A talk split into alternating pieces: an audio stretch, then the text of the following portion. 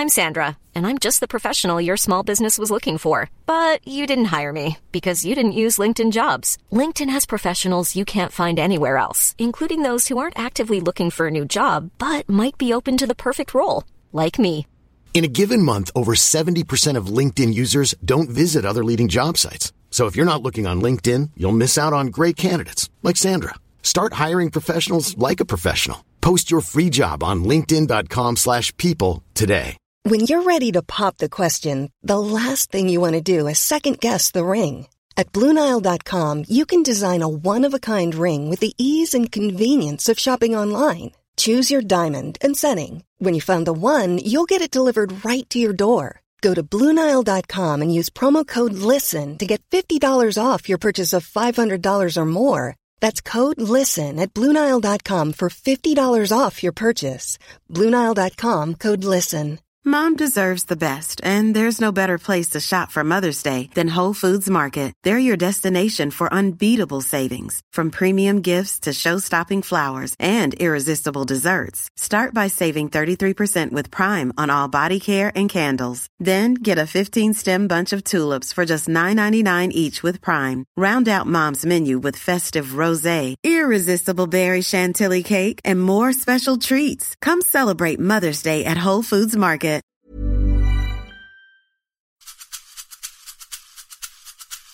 För mig är det faktiskt så att jag har aldrig i något av mina jobb tänkt på att jag är tjej. Alltså att det skulle spela någon roll, utan jag har mest kört på eh, och har väl också haft förmånen då att träffa ledare som har trott på mig och vågat satsa på mig. Jag har inte bett om ursäkt för mig själv, utan jag, jag tror på mig själv. Jag vet att jag är bra på många saker och nog vågat lyfta fram det. Det är nog en sån sak som har varit avgörande i de jobb jag har fått hemma, tror jag. Där är en lärdom jag har och det handlar om det här med vikten av att tidigt välja och se till att man får en bra chef.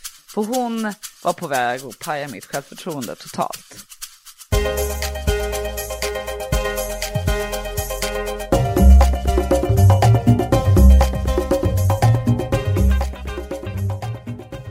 Välkommen till Karriärpodden. Det är jag som är Eva Ekedal och i Karriärpodden träffar jag Sveriges mest framgångsrika kvinnliga ledare. För vi behöver ju fler kvinnliga förebilder. Och den här gången träffar jag ingen mindre än Anna Wikland, Sverigechef för Google. Hon har ett CV som verkligen andas digitalt. Hennes karriär tog fart på andra sidan Atlanten i USA där hon pluggade och hon fick sitt första jobb inom PR och kommunikation i Kalifornien. Men det blev inte riktigt som hon hade tänkt sig och hon beskriver faktiskt sitt första jobb med paralleller till filmen Djävulen bär Prada. Och efter fem år i USA återvände Anna till Sverige och började då jobba som försäljningschef på den digitala mediebyrån Keybroker, där hon sen också blev vd. 2014 började hon på Google, först som affärsområdesansvarig, men är alltså nu sedan ett år tillbaka Sverigechef. Anna har nyligen fått utmärkelsen Näringslivets mäktigaste kvinna inom tech. Och förra året valdes hon till årets framtidschef. Ja, det här blir ett spännande samtal som kommer att handla om Annas karriärresa till toppen av Google i Sverige. Men också förstås om vad handbollen och åren i USA har betytt för henne. Häng med och lyssna. Men innan vi startar så vill jag också tacka vår samarbetspartner Försvarsmakten. Och vi håller just nu på att planera och spela in kommande temaavsnitt tillsammans som snart kommer att komma ut. Men nu så, nu ska vi köra igång det här avsnittet.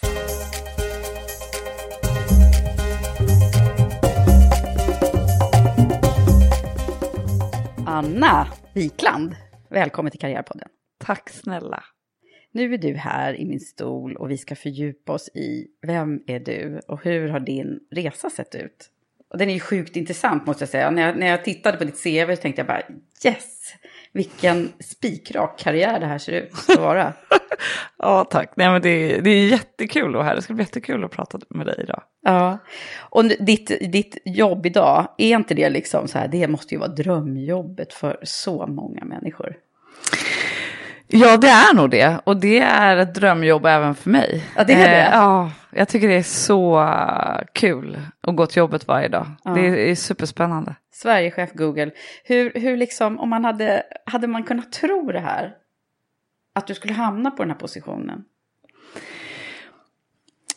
Alltså det där är så svårt att säga. Eh, ja, nej, att jag visste att jag skulle få det här jobbet. Nej, det hade jag inte kunnat ana. Framförallt inte så här pass tidigt som det ändå är i min karriär. Eh, men jag har länge, ända sedan jag bodde i USA, eh, haft en känsla i magen som jag liksom, jag har sagt det till några ganska tidigt att så här, att jag känt att så här, men det kommer hända spännande grejer. Och det här är väl en typisk sån sak som är en, en Mm. Men vad lustigt, vadå, du har liksom känt på dig? Ja, det kommer... Ah. och jag kommer ihåg när det hände.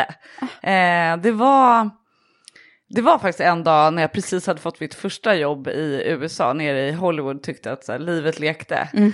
Och jag eh, satt i bilen eh, och körde där på 101.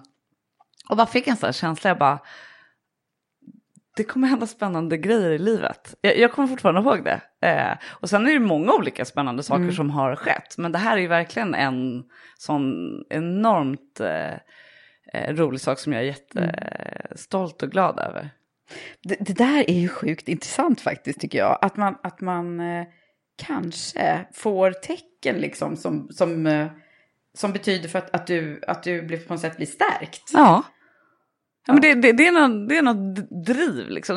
Jag kommer jättetydligt ihåg det. För jag kommer ihåg att när jag kom hem den kvällen sa jag till de tjejkompisar som jag bodde med då bara, jag hade sån jäkla skön känsla idag.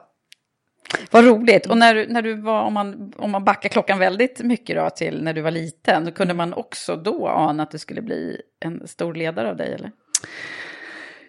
Jag, jag har alltid varit väldigt framåt och väldigt nyfiken. Eh, jag vet inte liksom om man kan säga redan från när jag var liten så, men, men eh, under egentligen alla år när jag spelade handboll, jag spelade handboll i ja, 12-15 år.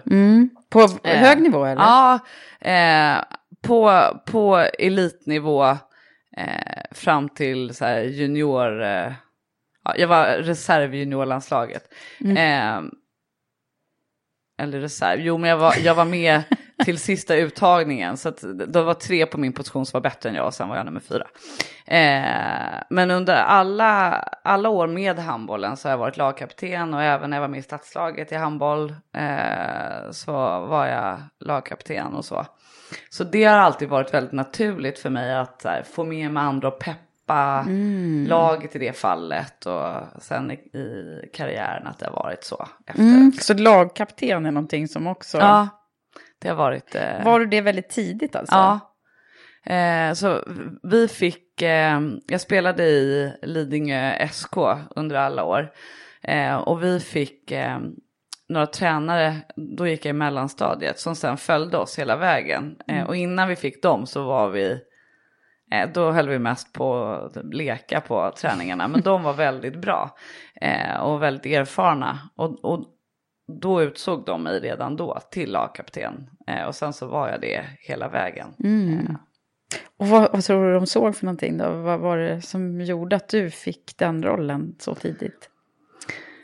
Nej men det måste varit att, att eh, de såg att eh, jag var bra på att få med mig andra, var bra på att peppa andra. För det är ju väldigt mycket i lagidrott att så här, eh, alla spelare är otroligt viktiga för att det ska gå bra. Och att eh, jag, var, jag var duktig på det och sen eh, var jag duktig på att spela själv också. Så det blev nog en bra kombination tror jag. Mm, mm.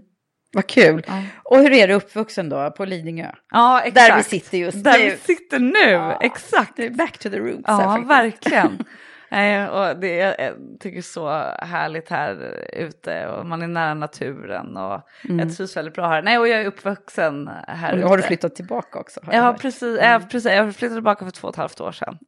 Eh, lite blandade känslor var det. Eh, eh, men det var min, eh, min man och jag ville eh, flytta från stan och ville bo ändå nära stan.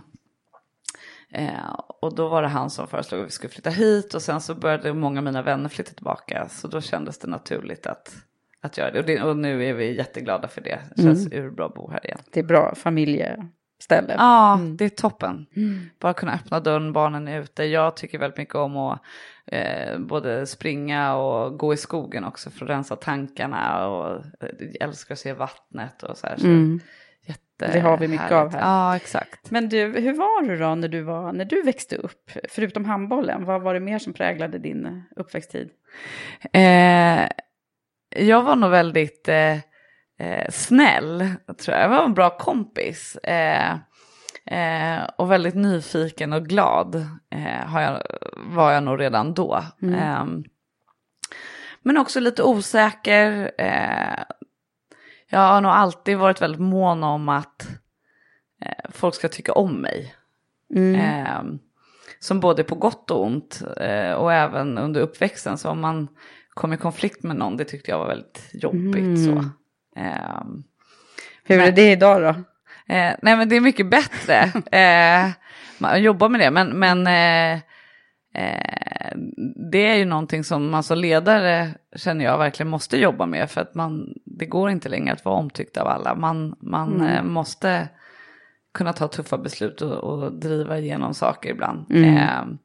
men det är klart att jag fortfarande tycker att det är väldigt roligt att eh, när folk eh, dels tror på mig och att jag får förtroende av människor som jag är ledare för. Så det är mm. fortfarande mm. väldigt viktigt. Det är det som är det roliga ja. i kråksången. Ja, exakt. Men det, hur var det i skolan då?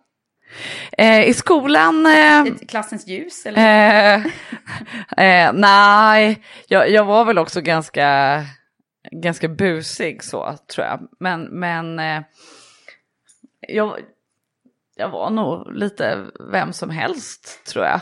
Eh, och, och då, så var det nog egentligen fram till gymnasiet.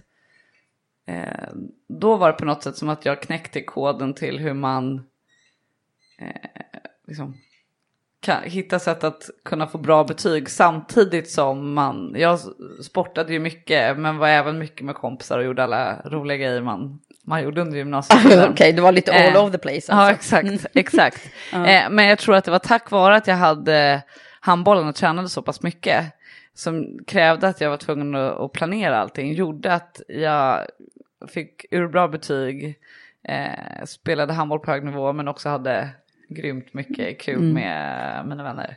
Mm.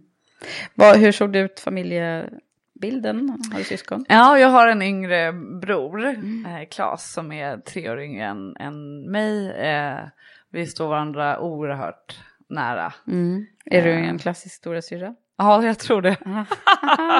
eh, en till. Jag måste säga att jag tycker att han, ja, så. Mm. Jag tycker, han, har, han har fått lite gräddfil, framförallt hemma i att eh, jag var väldigt rebellisk eh, mm. och trotsade nog ganska mycket, framförallt så här, tonåren. Mm. Eh, de regler som eh, mina föräldrar, eller våra föräldrar satte upp.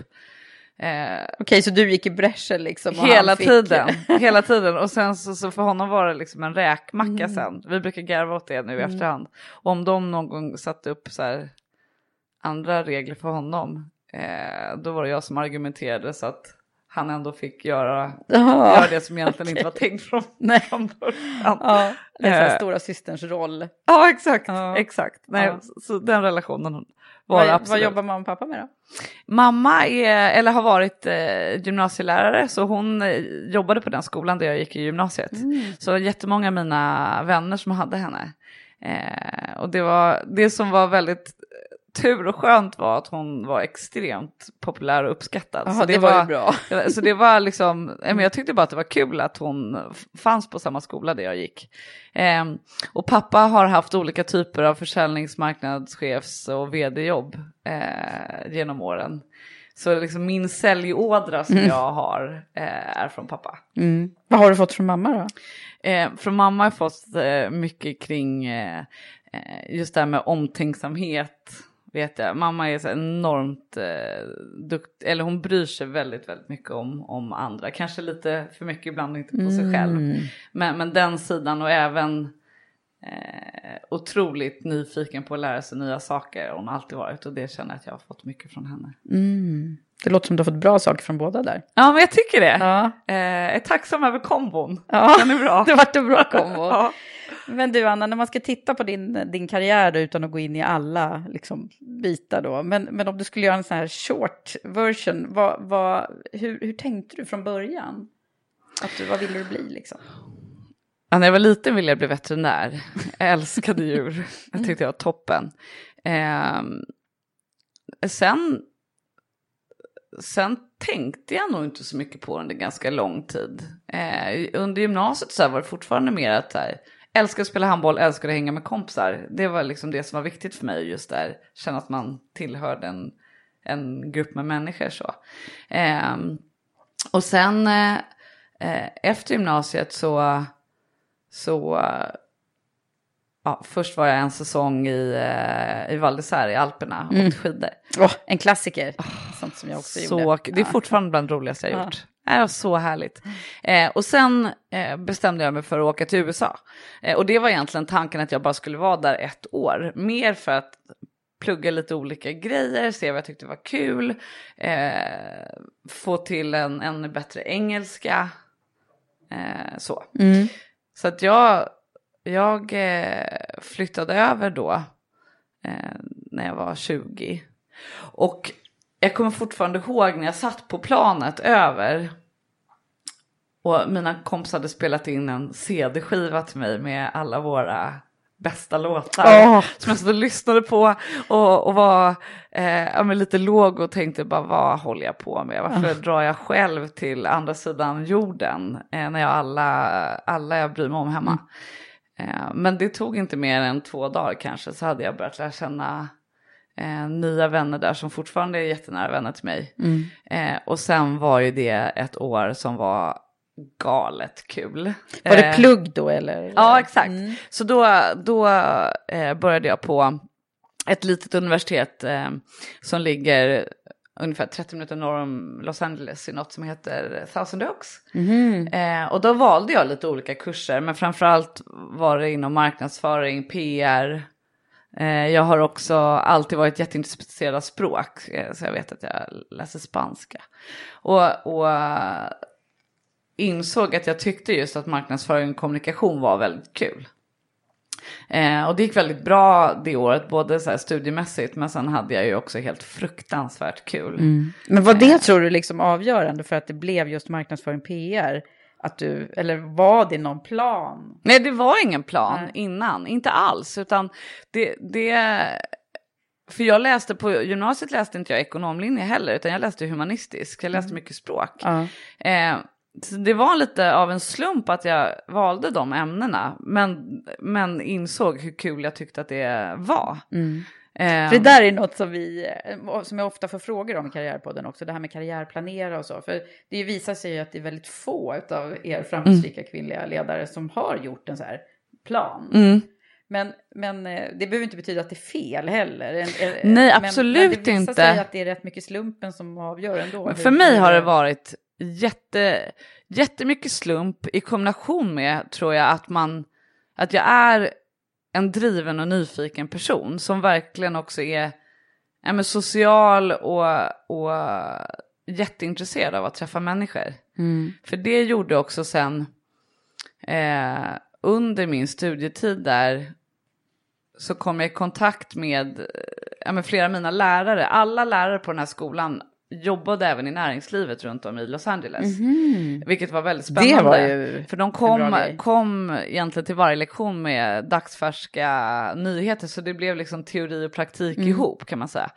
Eh, och eh, bland annat min lärare i marketing under de åren hjälpte mig sedan att fixa jobb. Eh. Ja, för du, sen fick du ett antal jobb som, som, min, som du hade under dina USA-år då. Exakt. Men blev du kvar? Ja, men grejen var så här, jag var, jag var där ett år eh, och sen flyttade jag hem. Ja. Ehm, eh, och började plugga här hemma. Eh, men tyckte att det var öken jämfört med att vara där. Eh, så att jag bestämde mig för att flytta tillbaka. Mm. Eh, och fick tillgodoräkna med den terminen då som jag hade pluggat här hemma. Eh, och så flyttade jag tillbaka och så, så körde jag hela min utbildning där istället. Eh, så att jag läste in den på tre år. Eh, och när jag, eh, och, och då fick jag också internships under tiden.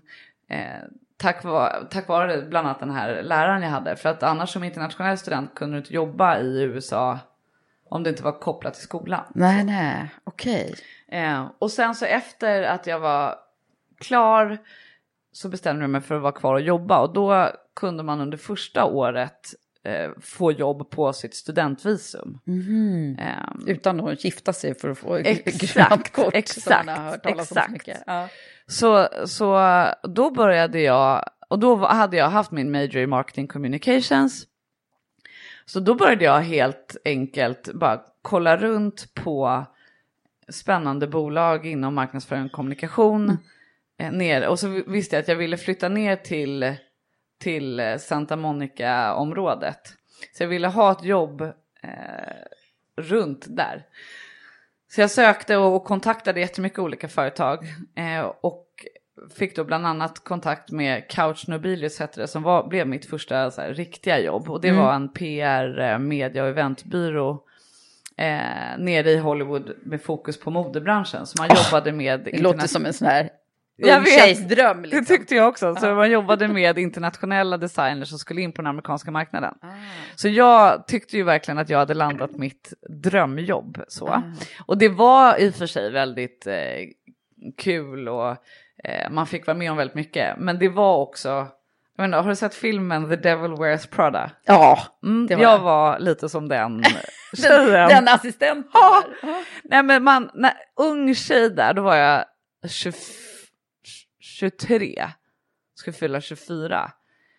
Eh, och även om jag hade liksom signat på till en viss typ av roll så ja, men de utnyttjade mig som en assistent. Fanns det en Eh, sån devil där alltså? Ja, en, en det. riktig devil. Eh, och där är en lärdom jag har och det handlar om det här med vikten av att tidigt välja och se till att man får en bra chef. Mm. För hon var på väg att paja mitt självförtroende totalt. Ah. Eh, så att jag var där, jag jobbade där i typ tio månader.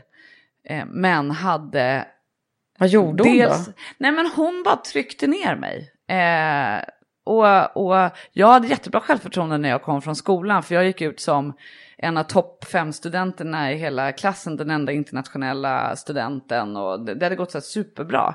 Men, men, eh, nej, men det var så små kommentarer hela tiden, skulle kontrollera allt jag gjorde. Eh, det blev mer att man också bara skulle springa och köpa kaffe och inte få göra någonting. Eh, som gjorde att man blev mer och mer osäker på, på sig själv egentligen. Ehm, och, men jag hade fortfarande jättenära kontakt med den här ehm, eh, marknadsföringsprofessorn Eh, som jag hade. Han var ju, då var han nog 65 kanske. Eh, och dessutom så hade jag också bra kontakt med eh, en annan arbetsgivare som jag hade haft som under ett internship under en av mina terminer. Eh, så jag var hemma hos dem ibland åt middag och så var jag hemma hos den här marknadsföringsprofessorn och fika någon gång. Du var liksom tankade. ja, och då sa de, de positiv. bara du kan inte vara kvar där. Nej, de gjorde det. Eh, du måste se dig om efter något annat. Och då satte min marknadsföringslärare ihop mig med eh, en kille som drev ett bolag inom healthcare. Så var jag där på intervju och så fick jag ett jobb där. Och då blev det ju att så här, byta bransch helt. Men då blev jag eh, sälj och marknadsansvarig för det här bolaget som var ett konsultbolag som jobbade mot eh, eh, försäkringsbolagen i USA. Så det var liksom någonting helt, Helt annat. annat. Ja.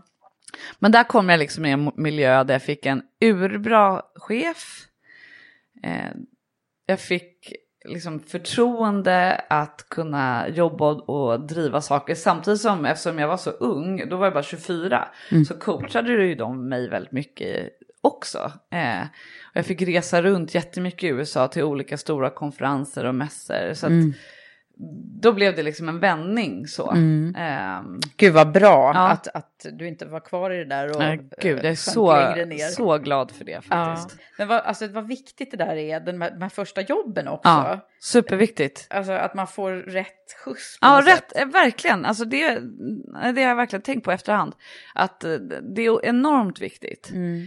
Eh, och det var även det som blev viktigt sen när jag flyttade hem. För då var jag kvar och jobbade där ett år.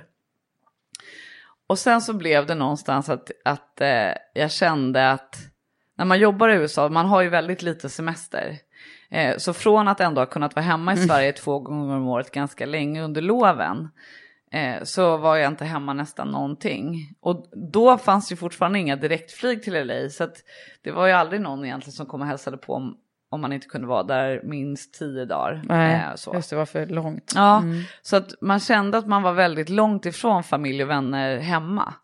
Ehm, och jag kände någonstans att det hade tagit slut med min amerikanska kille som jag varit tillsammans med i flera år också. Så här att om jag stannar nu då kommer jag nog bli kvar här. Eh, eh, och jag kände att jag ville nog inte det. Eh, så att då, då tog jag ett beslut, även om jag, det kändes konstigt. Men jag, jag tänkte att nej men jag säger upp mig och flyttar hem. Och så får jag känna det och, bo i Sverige. Och gillar jag det inte då sa min arbetsgivare så här, men det är bara att komma tillbaka. För då hade jag fått ett så arbetsvisum via dem. Så Ah, okej. det hade funkat i sådana fall. Ja. Och då kändes det inte så farligt. Då, då kunde jag ju Men var det där ett beslut som, som tog lång tid? Ja, det tog några månader. Eh, och så vet jag när jag var hemma den julen så kände jag att nej, nu testar jag det här. Mm. Så att jag flyttade hem i slutet på april. Hur var det då, att komma hem efter så många, för då var det rätt många år. Ja, fem år. Fem år. Fem år. Nej, men det var rätt tufft faktiskt. Mm. Eh, På det sättet att eh, senaste gången jag då hade bott i Sverige, då gick man fortfarande i gymnasiet och det var ett annat liv. Nu kom man hem, skulle börja jobba och liksom hitta ett sätt man skulle trivas i det. Samtidigt som det också var otroligt kul att vara hemma igen och... Mm. Eh, hade du kvar dina, ja fem år då klart, men man har kvar barndomsvännerna Ja och absolut. Mm. Och, och många av dem är fortfarande mina närmsta vänner idag. Så vi är en liksom, Mm. tajt grupp eh, av, av vänner fortfarande.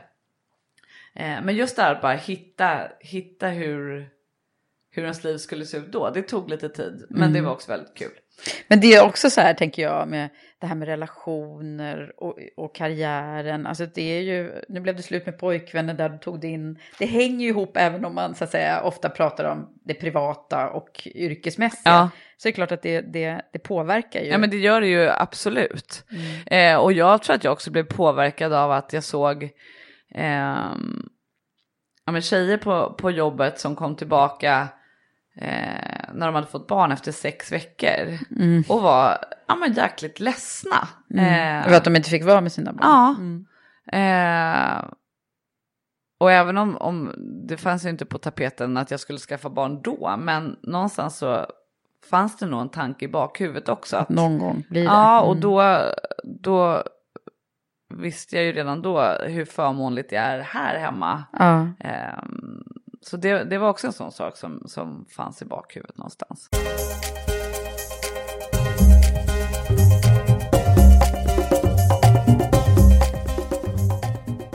Men var det då du fick jobb på Keybroker eller? Exakt. Ja. Så att när jag kom hem så eh, hade jag massa intervjuer som jag redan hade fixat eh, från USA. Så jag började gå på intervjuer när jag kom hem. Kände du att det var liksom, hade du väldigt mycket fördel av att ha haft den här amerikanska Absolut, karriären då? absolut. Mm. Det fanns en nyfikenhet kring det tror jag. Så att jag, blev, jag blev ju kallad till alla de ställen där jag sökte. Och sen till slut så stod det mellan Keybroker som då var precis nystartat. Fredrik och Fredrik då, grundarna, hade startat det i eh, januari och det här var ju april. Så då var det antingen då att gå in och bli försäljningschef där. Eller så fick jag ett erbjudande om att bli PR-chef på Red Bull. Mm. Och det var ju superspännande båda två. Ja. Eh, och då var en av min pappas, eller min pappas absolut äldsta och bästa vän, eh, agerade lite som min mentor under flera år eh, då när jag kom hem. Så Aha. vi pratade väldigt mycket fram och tillbaka om hur jag skulle göra. Ja. För, hur kommer det sig att han var din Nej men mentor? han, han är, eh, han har varit eh, en entreprenör egentligen hela sitt liv, haft massa olika spännande liksom, företagsresor Vad heter han nu då så han får lite cred? Björn Sahlström heter han. eh, och han och jag är väldigt lika i just det här med nyfikenheten och drivet och eh, Ja, men lite modiga. Alltså våga göra det som inte kanske är det som är mest bekvämt och tryggt så. Så vi pratade mycket och, och så sa, jag kommer ihåg att han sa det att, men vad säger magkänslan? Ja men det säger Keybrooker. För Fredrik Fredrik hade eh, pratat om eh, det man ville göra och, och det var ju just att, att jobba med att driva eh, digital annonsering eh, via Google med sökannonsering. Och det var väldigt nytt då. För det här är 2000 eller? Nej, det här är 2006. 2006. 2006. Ehm, så det hade inte funnits i Sverige alls länge. Så då, då och de berättade om ambitionen med att liksom, det skulle bli ett eh, stort företag och så vidare. Så det kändes så himla Var det spännande. det du gick igång på eller vad har du liksom kunnat ta Nej, på? nej, men var det, det var just den här nyfikenheten kring det här digitala som jag hade kommit i kontakt med lite grann i USA redan. Mm. Eh, och få vara med och bygga upp någonting lät så himla spännande tyckte jag. Så att jag valde att gå på min magkänsla. Mm. Och den var rätt. Och den var rätt. Ja, för där fick du verkligen utvecklas också. Ja, verkligen. Och det är återigen tillbaka till det här med eh, att se till att ha bra eh, chefer. För att det var ju modigt av Fredrik och Fredrik att satsa på mig. Eh, jag hade inte haft en sån konkret försäljningschefsroll, eh, även om jag hade varit sälj och marknadschef där på, på Health Benchmarks i USA. Ehm, och var ju bara 25 år då. Ah, just det. Eh, var så ung. ja. Och, Du är så ung.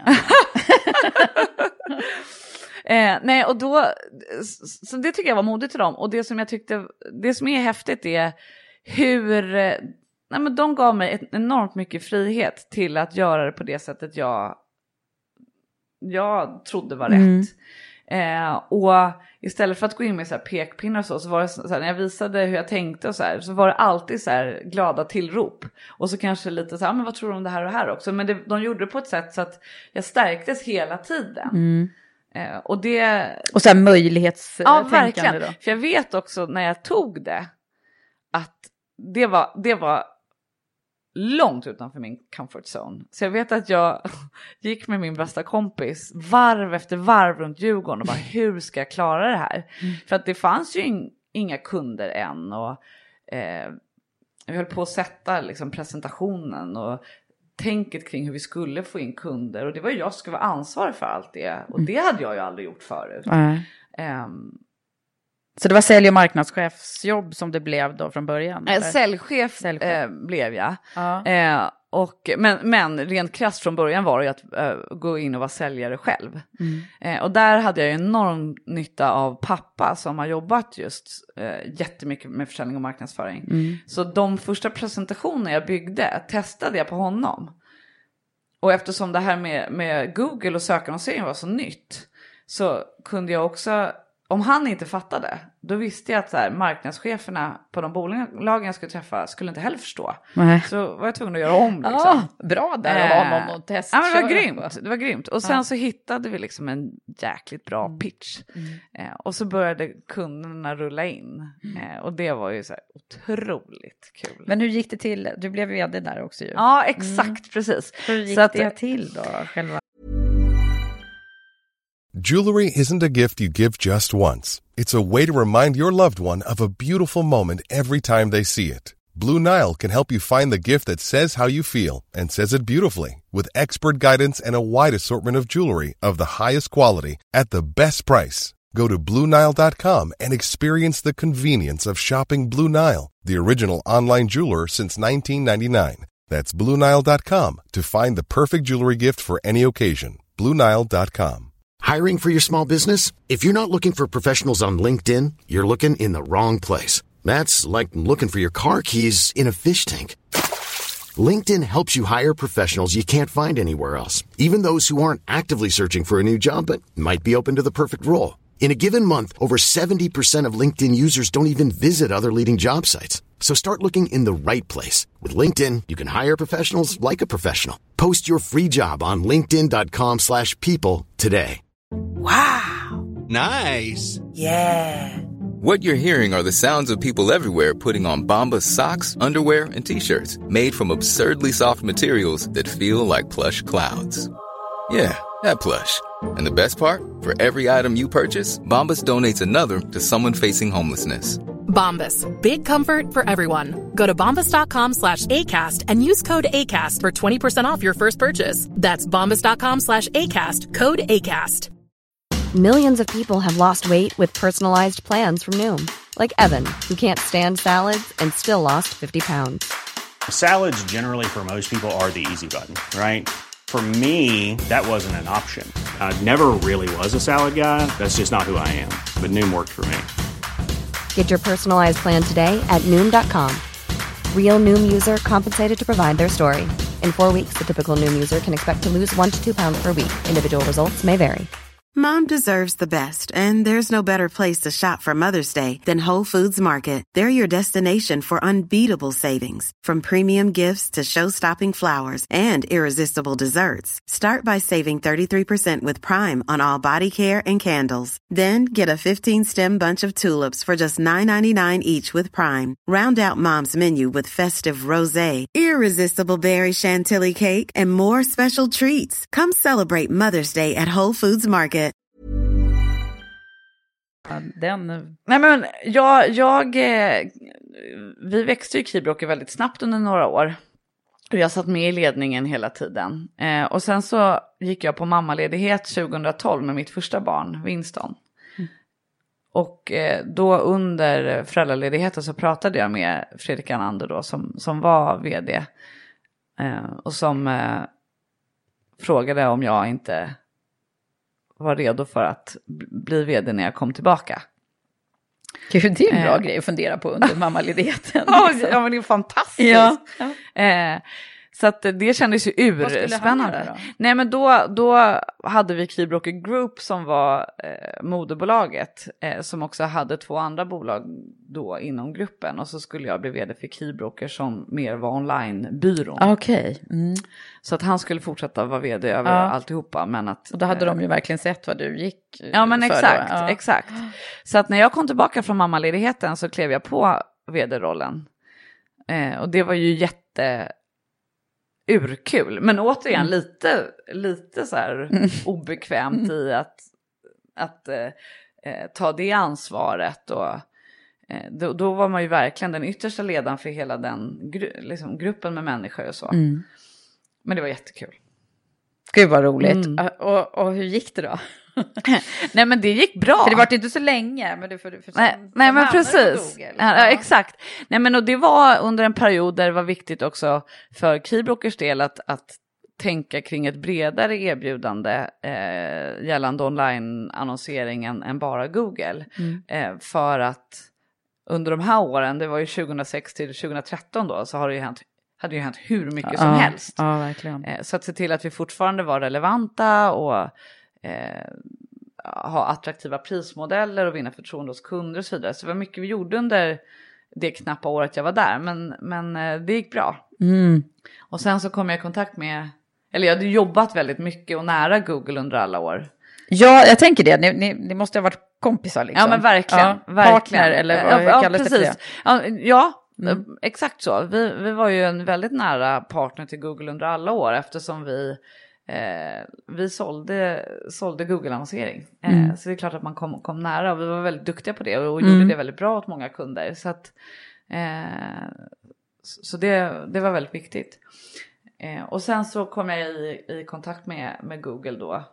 Ehm, och då var det en, en roll Var det de som hittade dig eller du som räckte upp handen eller hur, hur gick det Nej, där det var till? de liksom? som, som, eh, Som frågade dig? som eh, frågade mig om Mm. jag inte ville söka. Eh, sen var ju det en, en process eh, med flera andra kandidater också. Mm. Ehm, Och det där med att få jobb på Google, det är ingenting som man bara får så här. nej, det är inte så lätt. Det, det är många Eh, som, som funderar över det och jag har hört ja. att det är väldigt långa och gedigna processer. Ja, det är verkligen, eh, det är verkligen gedigna processer eh, som jag verkligen har otrolig respekt för på det sättet som, som det alltid görs. För att det är eh, alltid minst fyra personer som intervjuar som fokuserar på olika saker. Mm. Eh, och sen så är det den här panelen eh, och om, om tre tycker att en kandidat är bra men en inte tycker det, Mm. då går det inte igenom. Nej, så man måste ha allas accept. Ja, Liksom. och det är också någonting som, som jag uppskattar nu när jag jobbar på Google, för det gör också att även om jag är rekryterande chef så har jag inte hela makten, Nej. utan det är, eh, det är andras input som också är viktigt, vilket blir väldigt bra, för det blir Och det är inte alltid bara HR utan det är andra Nej, personer. utan det är andra, andra personer också. Eh, Så det blir väldigt sunt i rekryteringen. Eh, Och jag tror att det gör att vi är, har blivit väldigt bra på att rekrytera. Hur väljer ni ut de där fyra då? Det beror på helt vilken roll det är. Så dels är det alltid den som är, som är eh, den, den chef som, som ska anställa. Eh, och sen så eh, tar man gärna alltid någon inom det teamet. Eh, men sen tittar man också eh, från andra team.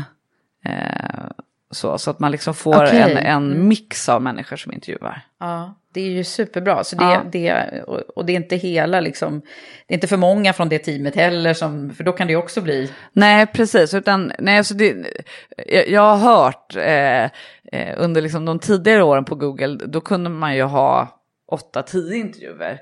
Så. Eh, men så är det inte längre, Mm. Nej. utan eh, det Det stannar... har rationaliserats lite. ja, det stannar runt fyra. Okej. Ja. Nej, men det är ju för sig inget, det, det jag menar jag som har jobbat med rekrytering, Ja. ibland är det ju så här, det är ju ganska vanligt att det ibland är sex intervjuer även på ett, ett Ja. svenskt bolag. Men Ja. det beror ju på vad det Ja. är för liksom, många som ska träffa, och många som Exakt. kontaktytor. Ja. Nej, så det, var, det var en tuff eh, intervjuprocess. Ja. Eh, så att jag var ju jätteglad när... när eh, Och då landade du där. Och i, i vilken roll blev det då? då? Nej, men då landade jag som affärsområdeschef för retail och telekom. ehm, mot, alltså för alla våra online advertising-produkter. Just det. Så just Google sök och YouTube och Ja. alla våra displayprodukter och så. Mm. Eh, och det var, ja, men det var urkul. Och det var också skönt att jag hade jobbat mycket mot Google tidigare. Så jag kunde ju produkterna Mm. rätt bra. Vilket var skönt. För det är, ett, det är ändå ett stort bolag att komma in i Ja. och, och få koll på. Så. Men du, du var liksom i branschen och hade koll på... Ja, ja, ja. så det var en fördel. klart Ja, det var det. Och här blev det mer personal eller? Eh, inte fler till antalet eh, än vad jag hade eh, på Keybroker. Eh, men det var en otroligt eh, fin grupp med människor som jag kom in och, och fick ta över eh, Mm. ansvaret för. Ja. Så det var, eh, men det var verkligen eh, otroligt kul att, att göra den övergången. Hur har det varit då, om du skulle liksom summera dina år? Mm. För nu är du ju, ja vi måste kanske prata för sig om hur, hur gick det till när du blev vd då? Eller Sverigechef? Ja, ja. Eh, nej men det var faktiskt också när jag var mammaledig. Ah, Eh, det är bra för eh, dig att gå på mammaledighet. Ja, uppenbarligen. Eh, nej, så det var nu när jag var mammaledig med barn nummer två, Albert. Eh, så, eh, så pratade jag med min ny, nya chef då, Peter Fries, som är no, chef för norra Europa.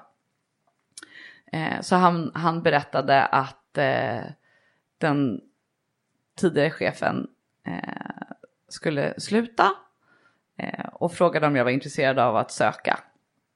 Eh, vilket jag var. Så jag, jag, Du eh, uppmanades liksom. Så. jag, jag sökte. Sen var det ju även den här gången andra kandidater i processen. Mm. Eh, så det var, det var återigen en ny, lika gedigen process igen. Mm. Eh, och sen så fick jag Men meddelande. du hade den där känslan i magen där att det kommer gå bra för mig. Ja, men- och, och, och, och grejen var så här att det hade varit fine med mig även om jag inte hade fått det. Mm. Eh, ja, det är klart att det här, alltså även innan jag gick på mammaledighet, att jag såg att så här, gud vilken spännande roll och det hade ju varit urroligt att någon dag kunna få den. Mm. Men jag kände, jag kände verkligen ingen stress efter det. Eh, Jag tänkte snarare då att så här, nej men gud, det blir jättebra att den här gången efter barn två komma tillbaka till samma roll och kunna köra den ett tag. Det, ta det Så- lite lugnt Så det ett var snarare så, eftersom det var en stor omställning när jag kom tillbaka efter, efter att jag hade fått Winston då och gå in som vd. Det var Mm. ett, ett stort skifte. Så, att, så att jag, hade, jag tänkte helt annorlunda där. Eh, Men sen så såklart när den här rollen kom upp så kände jag ju att nej, det är klart att jag vill söka den och se. Mm. Ehm, Hur det går. ja, hur det går, exakt. Och det gick ju bra. Ja, och det gick bra. Mm. Ehm, och, och det måste jag säga, det uppskattar jag faktiskt också väldigt mycket med Google för att eh, de frågade om jag kunde tänka mig att komma tillbaka tidigare under intervjuprocessen. Mm. Men jag kände väldigt starkt att jag ville göra klart min mammaledighet. Jag ville vara hemma ett år även med Albert. Mm. För att någonstans så... Hur, hur ser amerikanerna på det då, tänker jag? De som är vana vid att vara hemma sex veckor med sina ja, bebisar. nej, men även i USA så har Google eh, en mycket mer generös Ja, policy det. än, Mm. än traditionella amerikanska bolag. Även om den inte är lika generös som här. Men, nej, men det är helt eh, fine. Man så. respekterar så här, de lokala eh, förhållandena så. Så det var inga problem. Eh, men det, det jag verkligen uppskattar var att eh, man respekterade att jag ville, ville vara, göra klart min mammaledighet Mm. och löste, löste det under tiden med en interimlösning. Mm. Ehm, och det tycker jag var, ja, det men det var bra. schysst. Mm. Eh, det, det kändes väldigt bra för då var det också skönt att känna att nej men då, då tycker de ju verkligen att jag är rätt för rollen. Mm. Eh, och tycker att det är värt att vänta på att jag gör klart min mammaledighet. Och att jag sen kommer tillbaka supertaggad så.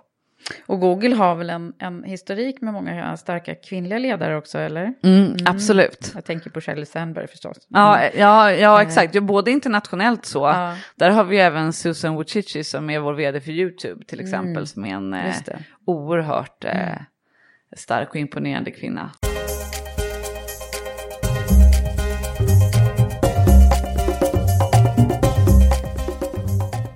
Så hur är det att vara kvinnlig ledare, tycker du? På Google? Urkul. Eh, verkligen. Är det någon skillnad, tror du, i jämförelsevis med en karriär som... Nej, det tror jag faktiskt inte. Eh, vi har ju eh, på många olika nivåer eh, många kvinnliga ledare.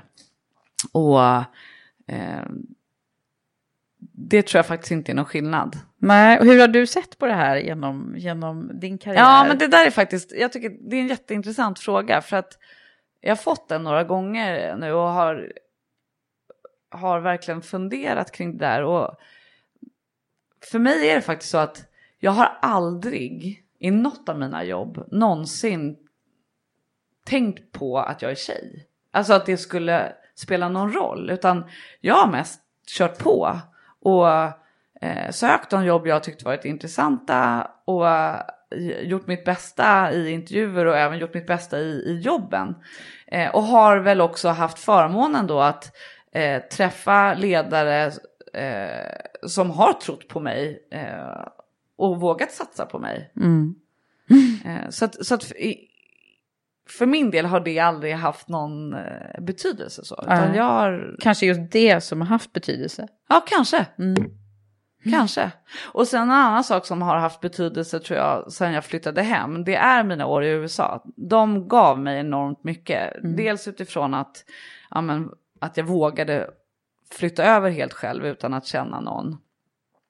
Eh, och sen att bo där de åren i en helt annan kultur eh, stärkte mig mycket. Och sen framför allt att man i USA, tycker jag, på ett helt annat sätt lär sig tro på sig själv och sälja sig själv. Just alltså det. i, i olika sammanhang och, och, berätta om det man är bra på och våga säga att man är bra. Det där är ju, åh, kan vi inte liksom få lite av det in i våra ja, svenska det, skolor? Ja, alltså så? överlag, för det, det är nog en sån sak som har varit avgörande i de jobb jag har fått hemma, tror jag. Att jag har inte bett om ursäkt för mig själv, utan jag, jag tror på mig själv. Jag vet att jag är eh, bra på många saker och nog vågat lyfta fram det. Men hur är det, vi pratar ju ofta om det här i Karriärpodden, alltså det, det, att Jante är, är, varför har vi det på det här sättet i Sverige? Att Jante är på något sätt starkare? Nej, alltså jag vet inte och det stör mig Ja. eh, jättemycket. Jag tycker att det är så fånigt. Eh, och, och just det här också att, att, eh, att det inte ska vara okej att lyfta fram och, och uttrycka de saker man gör bra. Det, Och det där är ju någonting som, som vi kvinnor då, Mm. även om man nu inte ska skilja på kvinnlig och manlig ledare, det tycker inte jag heller, men det finns ju eh, verkligen bevis i forskningen på att en, en, eh, en, kvinna, en framgångsrik kvinna Mm. eh, ses inte lika positivt som en framgångsrik man. Mm. I Sverige framför Mm. allt. Men Mm. även det som, jag tror att det är faktiskt Sheryl Sandberg som har skrivit mycket om det här i sin Mm. bok också. Mm. Det här som hon kallar för sympatidilemmat. Och, Just det. Alltså att vi på något sätt, eh, det, man blir inte lika likable då. Typ. Har Nej. du känt av det här eller? Nej, det har jag inte. Och, och jag, jag tror att jag tror att man ibland då kanske har en bild framför sig att så här, ja, men då om man är framgångsrik kvinna då måste man vara väldigt hård och s- skarp. Eller skarp är kanske fel ord, men, men, ja, men hård och tuff. Eh, men det behöver man inte alls. Man kan vara tuff och tydlig, men på ett väldigt varmt och hjärtligt sätt. Är det någonting som du är? Ja, Mm. det tycker jag. Ehm, jag, ehm, nej, men jag, jag tycker det är så kul att jobba med människor. Ehm, och dels att se andra lyckas eh, och hjälpa andra att lyckas. Men också det här att läsa av och se vilken typ av person eh, vi behöver i olika roller och så för att det ska bli så bra som, som Mm. möjligt. Så den, den delen tycker jag är, är viktig. Och sen är jag en positiv person som har väldigt mycket energi. Eh, och det tror jag smittar av sig. Mm. Men jag är också väldigt tydlig eh, och, och rak Mm. i min kommunikation. Och det är nog någonting som jag har lärt mig mer och mer under åren som ledare också. Man kan aldrig vara för tydlig. Eh, och, och är man tydlig och sätter tydliga mål då kan man sen också ge sina medarbetare mycket frihet till hur de väljer att ta sig an det. Mm. Ehm, och då tror jag att man får en väldigt så här, hälsosam, ett hälsosamt klimat eh, bland med, medarbetare och i gruppen. Verkligen. Men du, om man skulle titta eh, på, eh, det låter ju som det har varit, som sagt vad som jag sa i början här, som en framgångsresa hela din, ditt CV liksom. Ja. Men har det funnits stunder som har varit tuffare? Ja, absolut. Alltså bland annat den här eh, tiden med mitt första jobb där i Hollywood. Det var, det var skittufft. Jag mådde urdåligt och kom ofta hem och, och grät på kvällarna. Med, och, med The Devil? Ja, med, med The Devil. ja, exakt. Nej, det var, det var jätte, jättetufft. Jag mådde urdåligt eh, och, och fick sämre och sämre självförtroende. Så det var tur att jag hade andra bra människor i min omgivning. För att eh, ja, det, det var inte, det Som var inte sunt. dig. Nej. Mm. Eh, så, så det var ju verkligen en, en sån period som, som var tuff. Sen har det varit tufft hemma i Sverige också.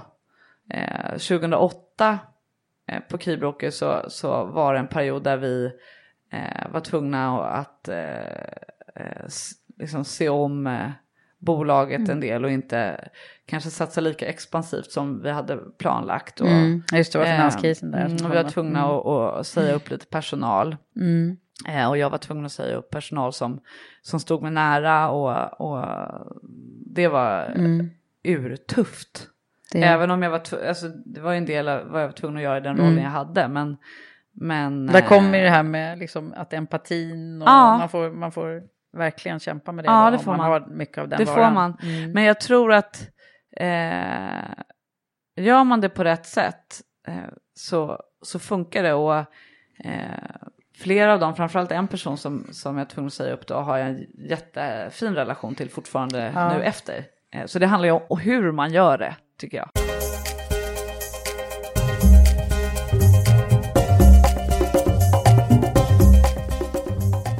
Du, eh, jag tänker på, vi har ju, jag har ju eh, i Karriärpodden en samarbetspartner som heter Försvarsmakten. Ja.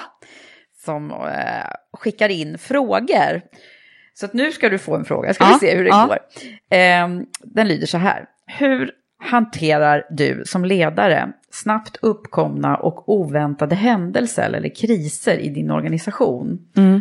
Så vi ska alltså diskutera ja, vad som händer med, med när, när det blir när det Mm. blir snabbt eh, grejer som man inte kan. Och jag tänkte Mm. på det, det passade ju bra när vi Mm, pratade om det, just mm. det där. eh, Det var väl kanske inte så snabbt, men Nej. det kanske funnits andra situationer när du har fått hantera. Vi har ju haft några nyligen också i Sverige. liksom. Ja visst, det är väl ett ypperligt eh, exempel när terrordådet eh, sk- skedde. Eh, Nej, alltså överlag det jag tycker är viktigt när olika saker händer det är att samla, eh, till att börja med samla min ledningsgrupp.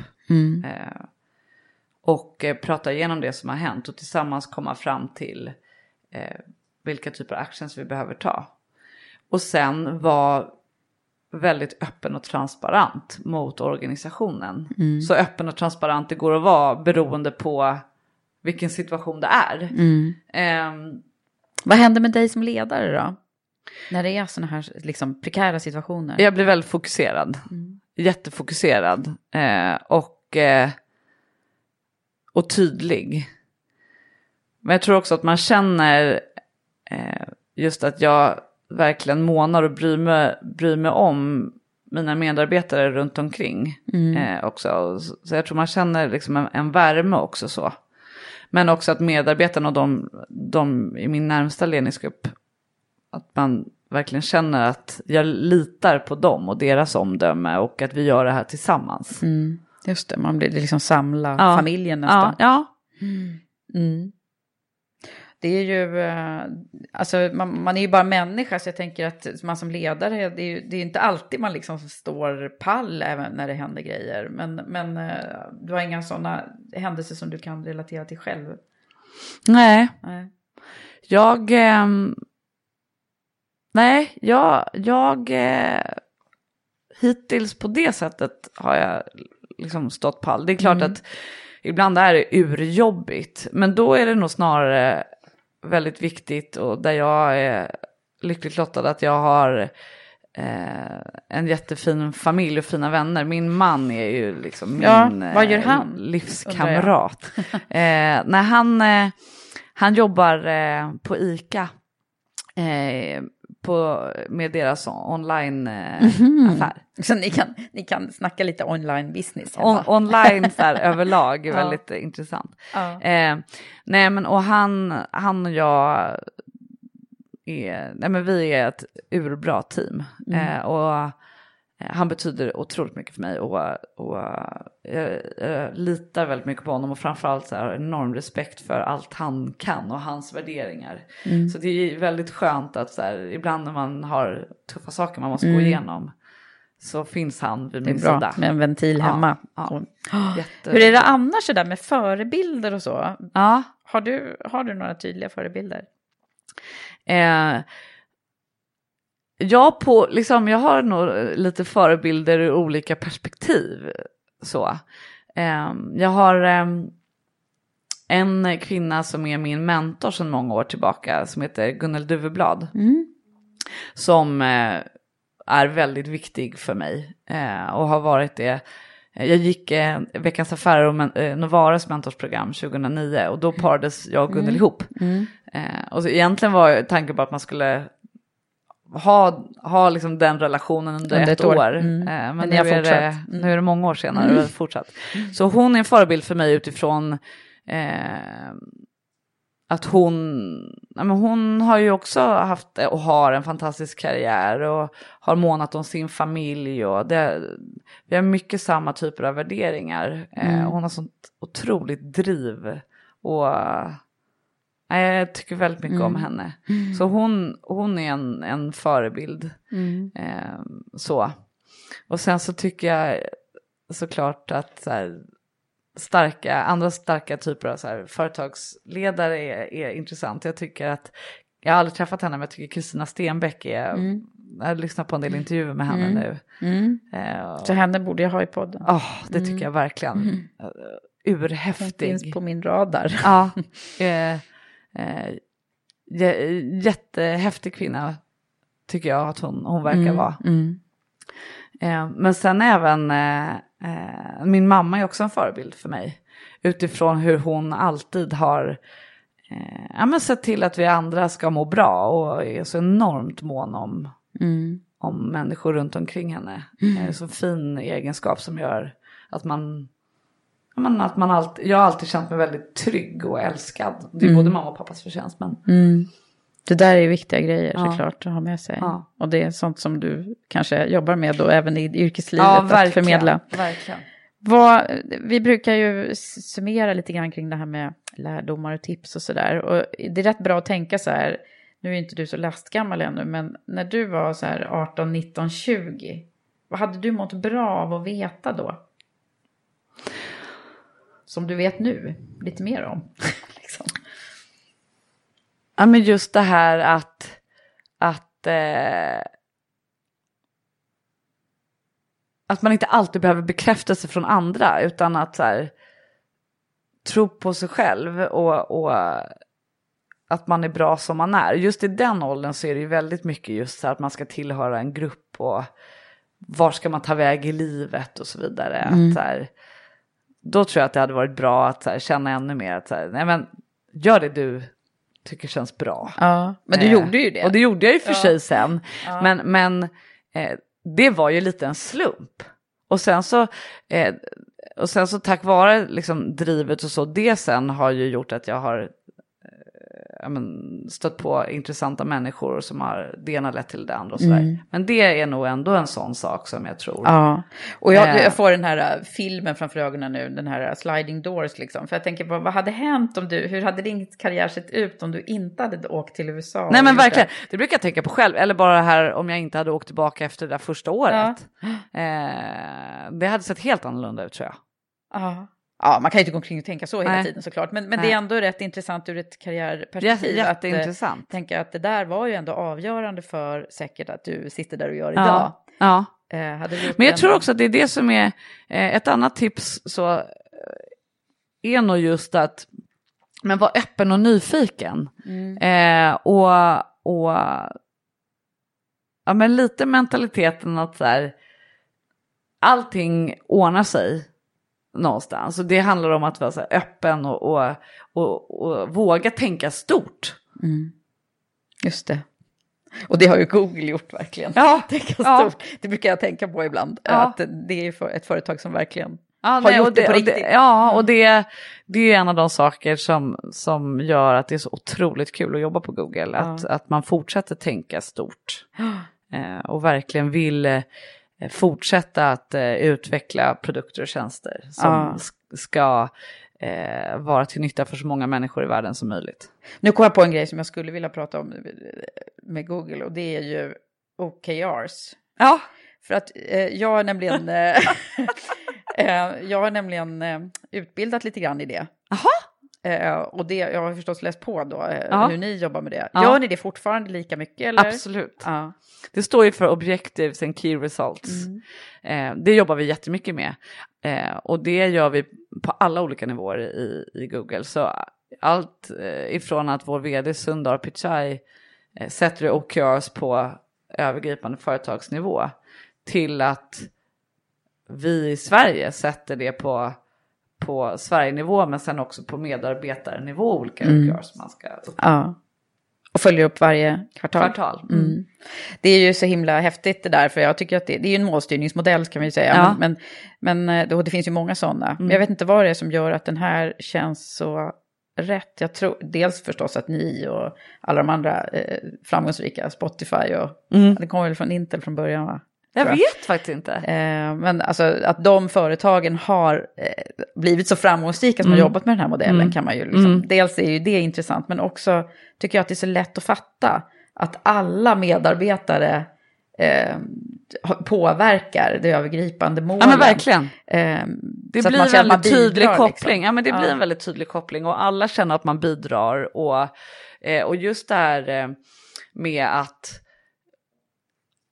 kommunicera i hela organisationen, även de OKRs om- som sätts övergripande. Mm. Det blir väldigt bra, just det här att, att en tydlighet Mm. eh, som, som jag tror underlättar, särskilt när man börjar bli så pass stort företag, att alla ändå jobbar mot Och samma, mål, ja. ja. Och just den här delaktigheten, den, Mm. är, den eh, ja. Det är Ja, bra, ja. men ni måste googla på OKRs. Ja, Eh, ja. Nu kommer vi bort från dina tips, men det är ett tips från Ja, oss båda. ja verkligen, Ja. verkligen. Det är jättebra. Det är Ja. jättebra. Ja. Eh, Men vad har, vad har vi mer för någonting som du vill skicka med till, eh, utifrån dina liksom, lärdomar så här långt? Vad, har du något annat tips? nej men ett tips, och det har jag faktiskt hört när jag lyssnat på andra du har pratat med, Mm. men som är väldigt viktigt tycker jag, det är just det här med att eh, ja, men vara noga själv med vilken chef man, man eh, ska få. Så just när man är i intervjuprocesser och så, så handlar det lika mycket om att man själv ska känna att man delar, eh, ja, men delar värderingar eh, och tro med det företaget som man intervjuas av. Och få känna av vem det är som, som eh, man skulle få som ledare. För det, det gör väldigt, väldigt stor skillnad. Jag har ju verkligen erfarit det själv. Ja. Eh, och i kombination med det här med chef så är verkligen eh, ett tips att eh, skaffa en mentor. Mm, just det. Eh, för att jag tycker att det har varit så otroligt eh, bra också att ha någon som är objektiv och som inte är en del av det företaget där man jobbar utan som, som eh, är min mentor som jag kan bolla mycket med. Ofta blir det professionella saker men det kan ju också vara andra saker. Jag och Gunnar har pratat mycket om det här med work-life balance och hur man ska få ihop det på ett bra sätt. Och jätteskönt att ha någon som har gått igenom samma saker själv och kunna Ja. få tips av. Ja, så bra. Ja. Det är något som vi också brukar prata mycket om. Ja, jätteviktigt. Mm. Bra. Mm. Vilka kloka råd du har, Anna. Ja, vad bra. eh, men du, eh, ska vi avsluta med något eh, sånt där? Har du något livsmotto eller? Något sånt här som du tänker varje dag? Så här? När du går till jobbet eller? Nej, jag har nog inget riktigt sådär. Eh, mer än att jag alltid försöker tänka positivt. Att saker och ting ordnar sig och, och det, det mesta är möjligt. Kan låta lite klyschigt men jag tänker väldigt mycket så. Och att eh, om man bidrar med positiv energi och tänker positivt så får man ofta mycket sånt tillbaka och då skapas det nya intressanta möjligheter. Mm. Plus till plus plus helt enkelt. Ja, jag, Det, det tror jag väldigt mycket på. Vad bra. Ja. Tack så jättemycket Ja, men Anna tack för att du själv, här. jättekul att få vara med.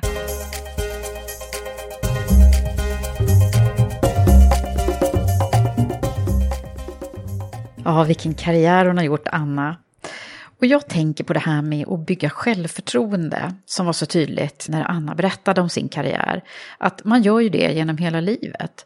Och en viktig faktor är ju att bli stark genom att våga och våga ta sig utanför sin komfortzon och verkligen se att det lyckas. Bra där Anna. Och tack för att du var med i Karriärpodden. Avslutningsvis så har jag en uppmaning till de företag som menar allvar med att de vill få fram fler kvinnor till toppositionerna. Det är dags att skicka era bästa kvinnor till Women for Leaders Premium Leadership Program som är ett exekutivt ledarprogram designat av några av Sveriges mest framstående kvinnliga ledarprofiler. Vi har det övergripande syftet att få fram fler kvinnliga ledare till toppositionerna som ska leda i framtidens organisationer. Men ha det nu så bra och tack för att du har lyssnat. Vi hörs snart igen. Hej så länge!